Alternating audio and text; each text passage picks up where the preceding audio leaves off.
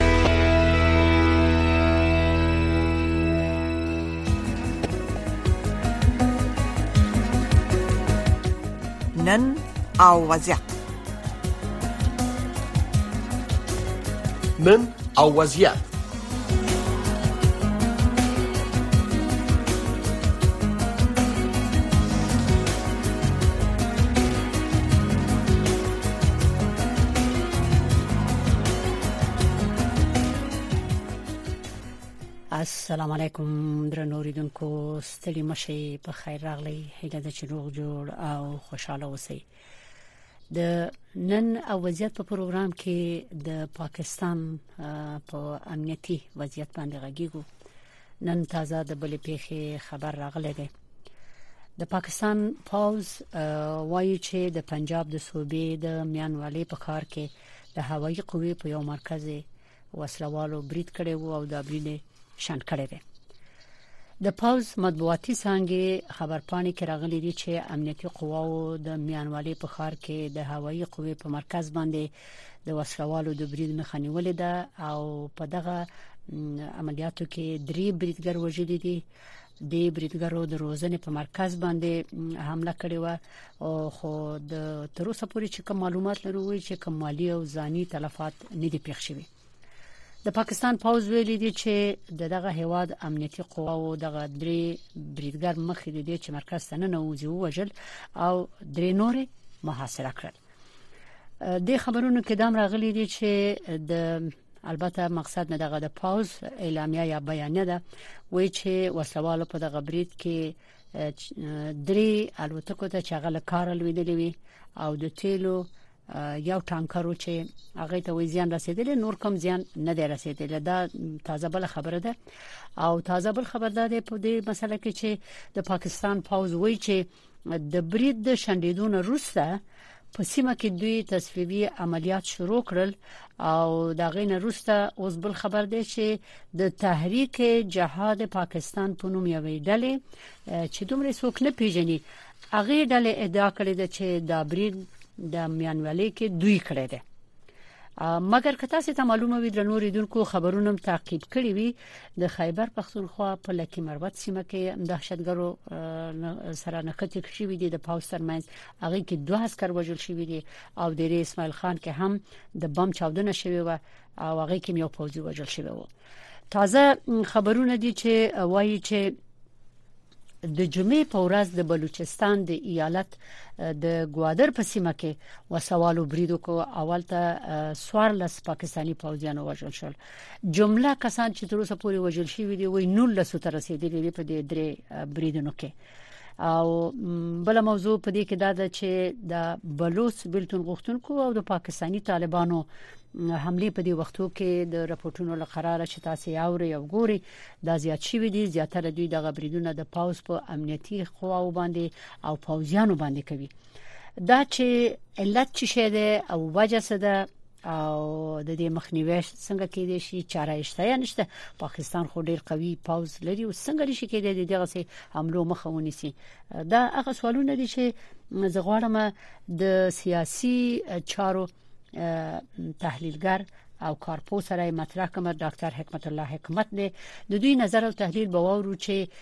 ولې په دې وختو کې په پا پاکستان کې د بریدونو په پاوز او امنیتي قواو باندې زیات شوی دی وجه څه ده د دې تحلیل سره نو وګورم درنو ردونکو تاسو په اجازه چې ډاکټر صاحب حکمت الله حکمت زما غږ اوري یا نه مخکې موږ په بدې تیر خبرونه کې لګ تخنیکی مشکلات درلودل ډاکټر صاحب حکمت حک... زما غږ اوري بله و زموږ غږ د اوله سره کاوره مسلمانونه ودرنشت خو علیکم سلام دا خو ډیر ښه کار وشو چې البته د استودیو کې تخنیکی مشکل مخکې نو دا برفه شوی وي نو دا خو ښه کار شو ډاکټر صاحب نو ټول خبرې چې دی واورې دي اول خو ستانه نظر څه دی چې ولې په دې وختو کې په پا پاکستان کې دا بریدونه زیات شوي دي پاوځ او پولیس باندې اوس خبر دی وي 19 کس وژل شوي دي په دې درې بریدونو کې چې د 13 هفته کې د څو ورځې کې شوی تازه خو د پاکستان په پا پاوز باندې په پا پنجاب کې د پاوز یا د هوایی قوې په یو مرکز باندې چې هغه د روزنې مرکز او الته برید شوی دی او د جهاد تحریک جهاد پاکستان دغه کمډله د چې اوسه پوری دومره څوک دا نه پیژني هغه ویل دا برید مونږ کړی دی دا بریدونه ولې زیات شوی دي علت څه دی پاکستان کې بیا هم سلامونه او ددن تاسو ته تاسو همکارانو او اوریدونکو ته وعلیکم سلام په پاکستان کې دوی په دې د ډیره وخت څخه د پاکستان د راځي ځدو څخه حضور لري چې دغه دواړې پدیدې په پاکستان کې د ناامنیو او د ځینې ترهګرو بریدونو تر شا لاس لري ښه لومړی برخه هغه تنظیم شوی ډلې دي چې یو برخه د ترهګرو په لیست کې د نړیوالې ټولنې شامل دي یو برخه لا نه دي شامل دا د پاکستان د پوز او د استخباراتو په کنټرول کې د دوی کسان دي چې کله کله دا بریدونه دستوري کوي بله برخه یې چې اوس د پاکستان د استخباراتو د کنټرول څخه وتلې ده بنسټپاله ډلې دي نړیوالې اړیکې لري هغه هم کله کله دغه سي بریدونه کوي ترڅو چې د پاکستان په اوسنی سیاسي وضعیت کې خپل موقف ثابت کړي په پاکستان کې په جدي توګه باندې د اقتصادي بحران ترڅنګ اوس امنیتي او سیاسي بحران هم اوج ته رسیدلی دی بناء ویلای شو چې د دغه سي بریدونو تر شا هرو مرو هغه څوک دی چې پاکستانیان یې تر نورو ډیر ښه پیژني شناخت ورسره لري تاسو د یو مجرب ژورنالیست په صفت باندې تاسو دغه ډیره معتبره نړیواله رسانه په خپل ارشیف کې ټول هغه اسناد لري چې ټولې بنسټپاله ډلې چې سیمې ته یې تهدید متوجه کولی د القاعدې څخه رانیولې بیا تر داعش پورې بیا تر نورو ډلو پورې چې هندستان ته تهدید او افغانستان ته تهدید د دې ریشه په یو قسم باندې د پاکستان استخباراتو ته او د نړیوالو لوی بازي لوبغاړو ته ورګرځي نن هم دغه پاتې شونې چې تاسو وینئ پر دغه دوه برخو باندې ویشل شوې دي یو یا مثلا د ټي ټي پی برخه ده ټي ټي پی د پاکستان په وړاندې باندې مشخصه غوښتنه لري مشخصه اجندا لري او خپل جګړې ته جهاد وایي نور دغه پټي مال نامعلوم او معلوم الحال ډلې دي چې په حقیقت کې د پاکستان د پوز د استخبارات سره په کوردینه دا کارونه کوي پاکستان اوس د نړیوال ټولنې څخه بیا هغه امتیاز غواړي د پاکستان پوځ البته کم چې د سړې جګړې پر وخت غوښتي نړیواله ټولنه یا امکانات نه لري او یا دا کار نه کوي اګاهنه چې پاکستان ته دي لا اتنای پیسې ورته ورکوي او په لوی لوب کې د دوی یو د بل په وړاندې باندې ولوبوي د بل لوري څخه کتا سو وګوري پاکستان دوه مخه لوب کوي د چین سره یو سیاست مخ ته بیاي د امریکا د متحده ایالاتو د اروپایانو سره بل سیاست مخ ته بیاي دغه دواړه لوري په حقیقت کې د پاکستان د دغه مغلق لوبې څخه ناراضي دي، د پاکستان اقتصادي ملاتړ نه کوي، کېدای شي چې د دغسې بریدونو تر شا د پاکستان د پوځ او د استخباراتو یوه موخه دا وي چې نړیواله توجه بېرته پاکستان ته واړوي چې پاکستان یو مهم لوبغاړی دی، د دوی ستراتیژیک متحد ملګری دی، خصوصاً پوځ او استخبارات یې باید محاسبه باندې وشي، مګر هغه وړه برخه چې دا کارونه کوي، هغه همدومره په مغلقتیا باندې مخ ته ځي لکه حماس چې د اسراییلو د موساد د سترګو په وړاندې باندې داسې حمله وکوله چې موساد یې وننګولی، د اسراییلو هغه قوي نظم او نظام یې وننګولی. دغسې بریدونه کیدای شي چې ډیر په ژوره توګه باندې استخباراتي ریښې ولري، تنظیم شي، ولې دریمه پدیده چې په دغې کې هرو مرو ځای لري هغه دا ده چې د پاکستان د عام ولس نفرت دی د پاکستان د پوز او د ملکی ادارې څخه چې د پوز ګډاګي اداره ده د سیاستونو څخه په پاکستان کې انفلیشن تر 340% جګ شوی دی په پاکستان کې نرخونه جګ شوی دي په پاکستان کې د بیکاری کچه تر بل هر وخت زیاته ده تاسو اوس بیا ونی چې بل بحران دا راځي چې په میلیونونو افغانان جبري وېستله د هغوی د کار خلاف څوک نه شي ډکولای په میلیاردونو ډالر دا هم پاکستان تاوان رسوي بنا اقتصادي نارضایتي د دغه ډلو موجودیت او بنسټپالنه تاسو به په یاد چې د بنسټپالنې دوم ادرس په نړیواله کچه باندې چې د اسلامي تخلص ځان ته ورکولې د مصر د اخوان المسلمین د الازهر راورسته په پاکستان کې جوړ شو، همدغه بنسټپالنه، همدغه مدرسې لا هم ځای لري چې ځینې عناصر په افراطي توګه باندې وروزي، د پاکستان نظم او نظام وننګوي. ښه تاسې خو دا درې پدیدې اعلان کړې ډاکتر صاحب حکمت الله حکمت هم ویلې نظر هم خپل ورکړو اوس سوال دا دی چې په پاکستان کې عمومي انتخابات کیږي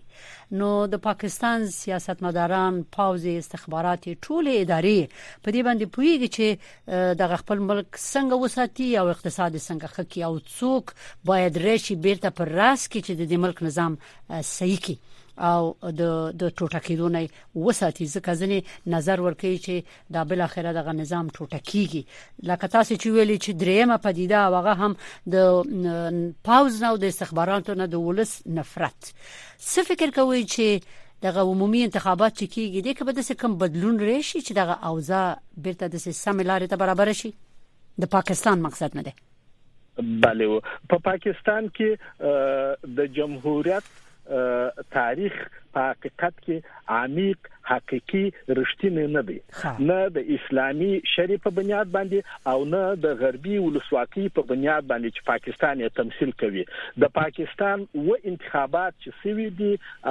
چې هغه ته سړی ویلای شي چې نسبی آزاد دغه وسره انتخابات یا د پوز په کنترول کې تر سره شوې دي او یا ورسته پوز مداخله کړې ده د انتخاباتو نتیجه یې ملغا کړې ده یا هغه څوک چې انتخاب شوی دی هغه یې وژلې دي اعدام کړې دي د منځ څخه وړې دي نننی انتخابات د پوز او د استخباراتو تر کنترول نظارت او د دوی په غوښتنه باندې هغه انتخابات چې نتایج به هرومرو د پوز لپاره د منلو وي تر ټولو غوړه انتخاب د پاکستان د خلکو لپاره کوم وخت ټاکنې وسولې عمران خان ولو هغه هغه شهرت چی د یو مدنی فعال په توګه باندی د سپورتمن په توګه باندی درلودلی ولی پوځ کوم وخت چی ولیدل چی د هغه شهرت اوج ته رسیږی د پوځ د اختیاراتو څخه دی پښه اړوی بالاخره یې په وړاندی باندی هغه څه وکړل چی موږ یې نن وینو اوس دوی نواز شریف رامخته کړی دی نواز شریف او د هغه متحدین کېدای شي چې دا ټاکنې په نسبي توګه باندې وګټي ولې بیا هم دوه لارې دي یا به نواز شریف د پوځ په دستور باندې هغه څه کوي چې پوځ او استخبارات ورته وایي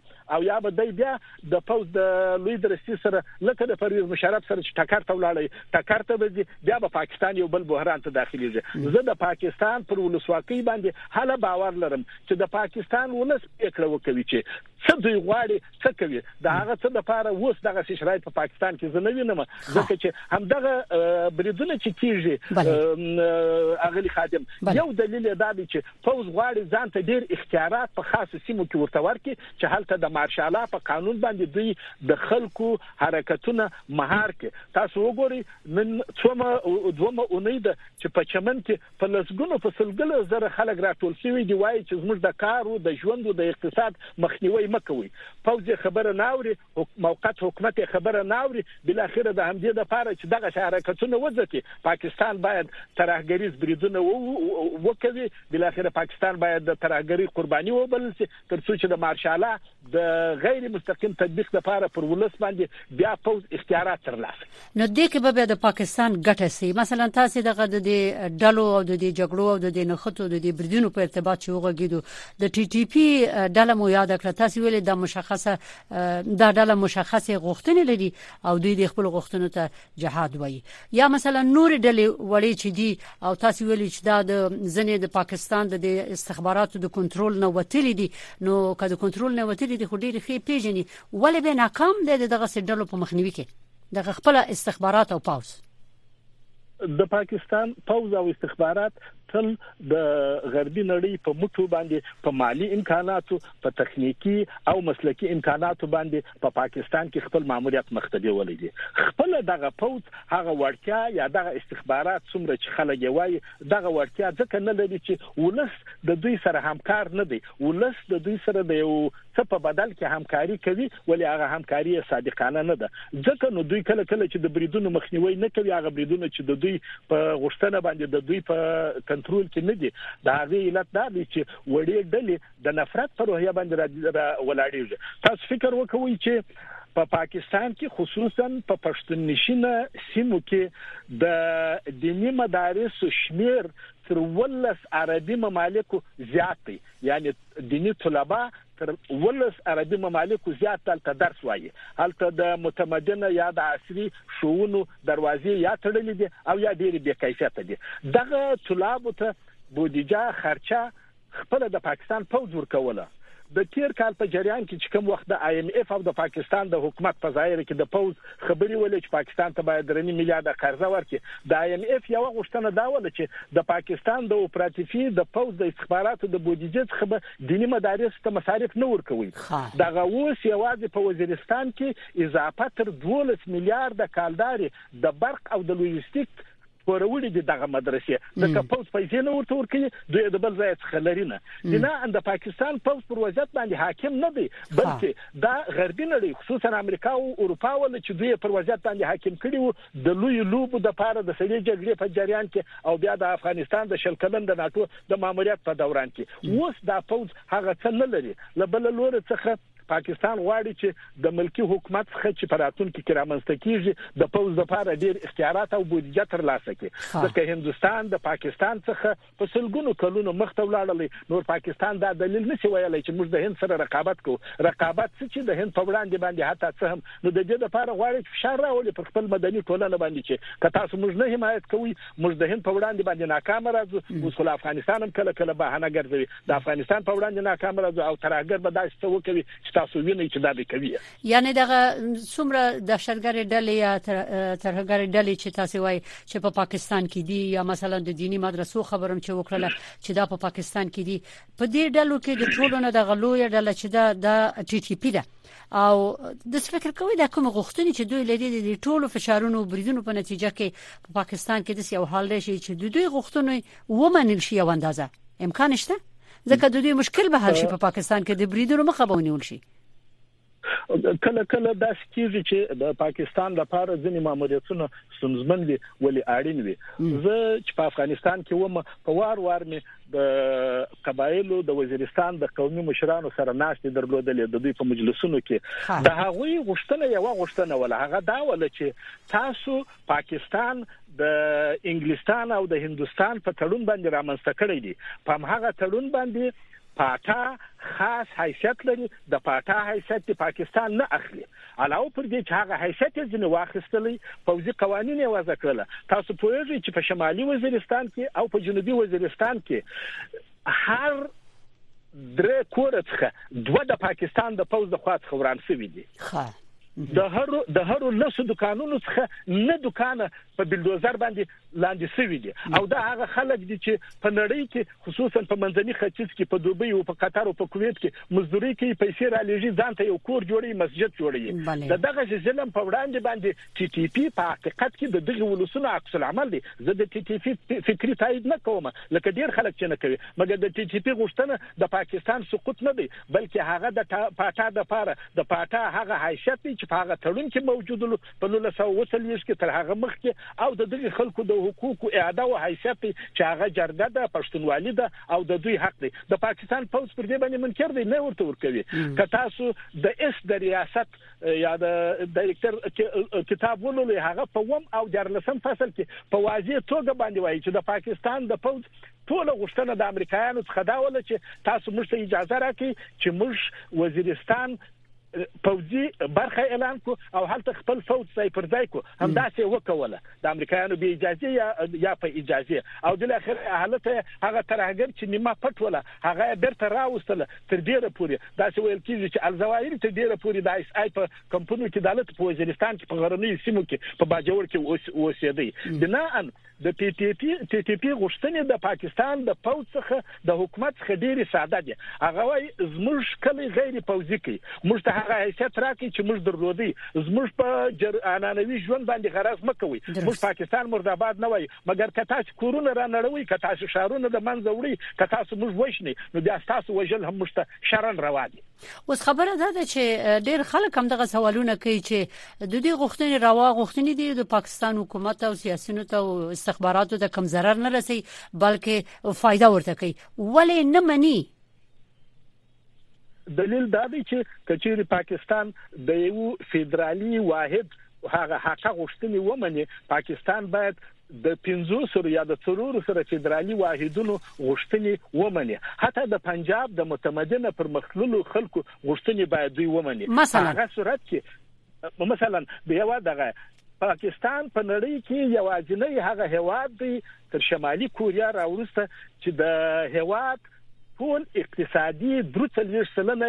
د جنرالانو په اختیار کې ده یا د دوی ملکیت دی تاسو فکر وکړئ چې دروڅلويش سلنه د پاکستان فابریکې کارخانه عامه ملکیتونه دا د فوځ ملکیت دی جنرالان یې مالکان دي دا ولس ورته وایي چې تاسو څنګه کېدای شي چې د بلوچستان څخه غاز وړي د یو جنرال کور ته په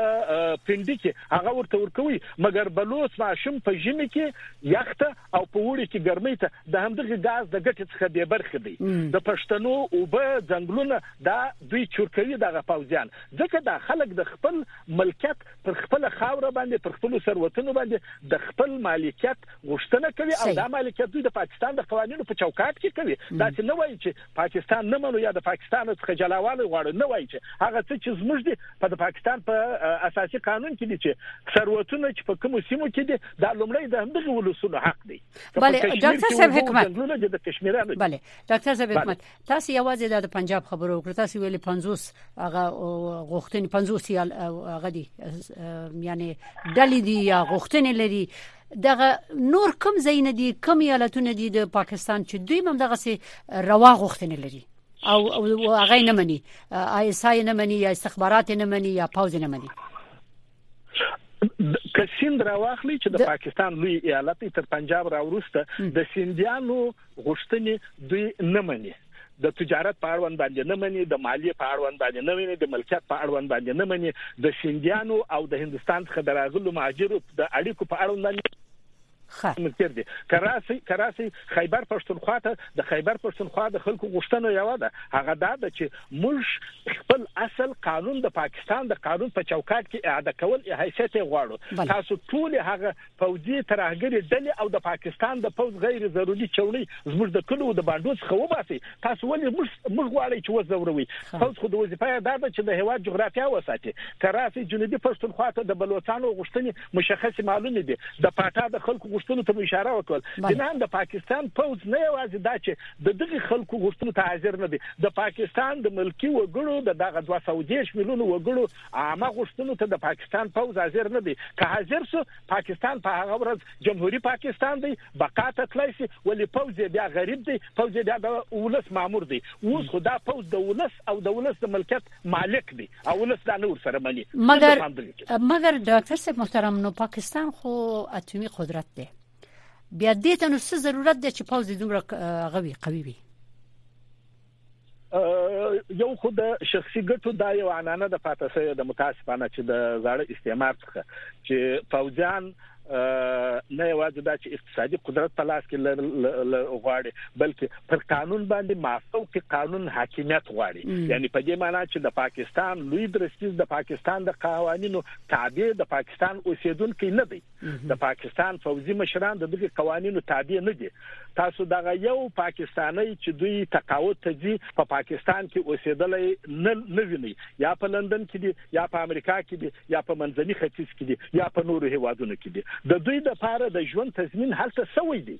ځکه نو دوی د پاکستان د ولس سره نه یوازې دا چې نږدې اړیکه نه لري دوی د پاکستان د ولس سره د بیګانه په توګه باندې برخورد کوي علت هم دغه دی چې که یو څوک پیدا شي چې د ولس سره نږدېوالی وکوي پوز مداخله کوي هغه یا وژني تاریخونه تاسو وګورئ بوټو د پوز د ولس سره یو ځای شو بالاخره یې بوټو اعدام کړی ضیاء الحق چې په د ولس سره نږدېوالی وښودل هغه په هغه توتیا باندې سره د اختر مړ کړی کوم وخت چې عمران خان مولودیت پیدا کړل مستقل ملکی حکومت سیاست په لاس کې واخیستل سرنوشت تاسو ویني تر هغه مخکې د نواز شریف او د نور بنان پوز نه اقتصادي قدرت نه سیاسي قدرت او پوځي قدرت په اصل نه غواړي چې بل چاته وسپاري د پاکستان مالک د پاکستان پوز آی اس آی دی او دا د سیمې د پاره خطرناک لوبه ځکه ده چې دغه اوس و زما د معلومات په اساس باندې په پا پاکستان کې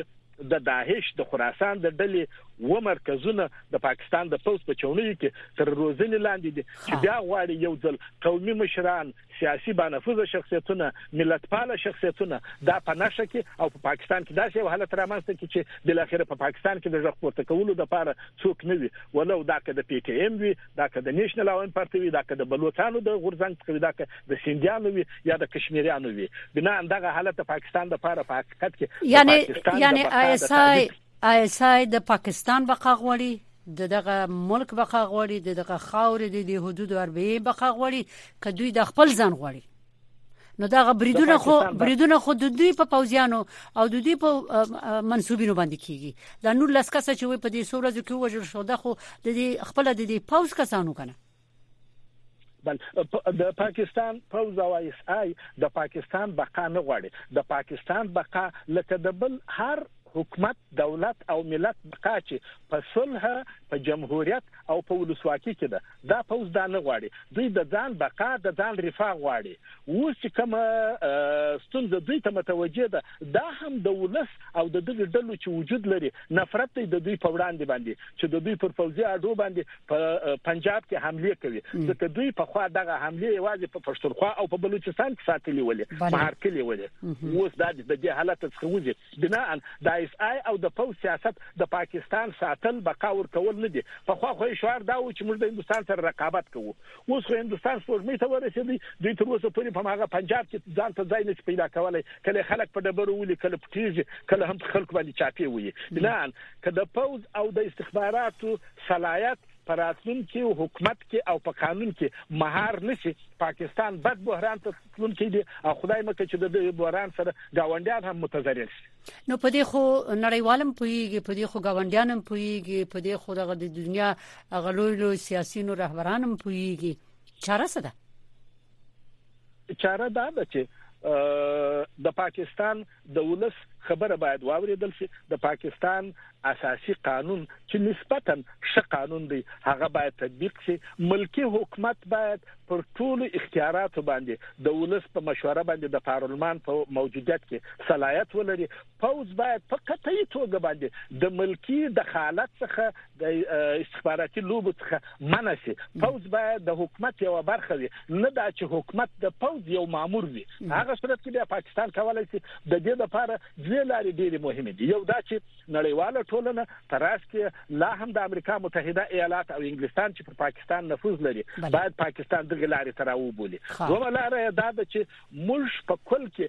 ستاسو دغه ویاړلي رسانۍ موږ باید د پاکستان د ولس ملاتړ وکړو نه د پاکستان د پوځ او د پوځي حاکمانو ملاتړ ښه ډیره مننه تاسو نه د دې اخر کې فقط یو دقیقه سو ثانیه لرم طالبانو ته پاکستان کې دغه حملو بریدونو په ارتباط د نور نه غږی ګوره بشي دي چې طالبانو په دغه وخت کې څه کول شي دغه حکومت دا چارواکي چې اقتصاد ضعیف دی کار نشته دی دربدر دي ټول خلک او په دې وخت کې د زرګونه زرګونه سرګونه مهاجر د پاکستان نو روان دي اخوته طالبانو ته د خپل ملک د ساتلو لپاره د خپل ولس لپاره څه پکار دی غوي باید څه وکړي پاکستان سره څه ډول پالیسی باید ولري ځنې وایي چې دوی په سلا او مشوره دغه پروګرام طرح کړی دی چې د ماجر یو دم په دې یخنۍ کې ټول ور روان کړل او وباسي افغانستان ته لیږي زموږ دا خبره ډیره تاریخي سوال مو کولې پر ځای او د ورځې سوال هم دی موږ دا خبره په خوا طالبانو ته کړې ول چې تر خدای را لاندې تر خپل ولس را لاندې د چا په آشنایی او پاندیوالي باندې باور مکوي آشنایی او انډیوالي و پالي پر پاکستان باندې کومه محاسبه چې زه باور لرم چې د طالبانو حاکمیت کړې ول هغه محاسبه د پاکستان په دغه ګام باندې په حقیقت کې خامه راووتله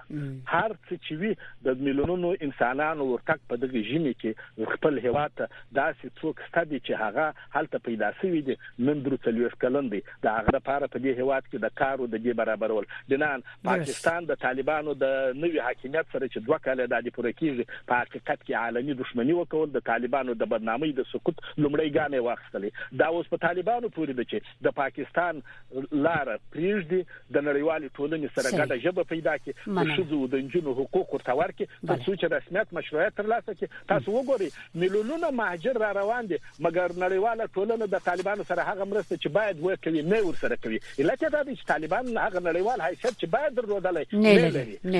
ډیره مننه ډاکټر صاحب محترم کول او نړیوال سره اړیکې عیاده کول دا مهم تشکر ډیره مننه ډاکټر صاحب حکمت الله حکمت ستاسو معلومات ټول خبرو شو مننه نظر دې خبر شو اې د خبرونو کې نور مسایلو کې بیا هم غږی اوس د سي تاسو په لوی خدای سپارم مخه تمخه تشکر چې خبرونه ترغلې کور مو ودان په مخه په مخه خدای پامان خدای پامان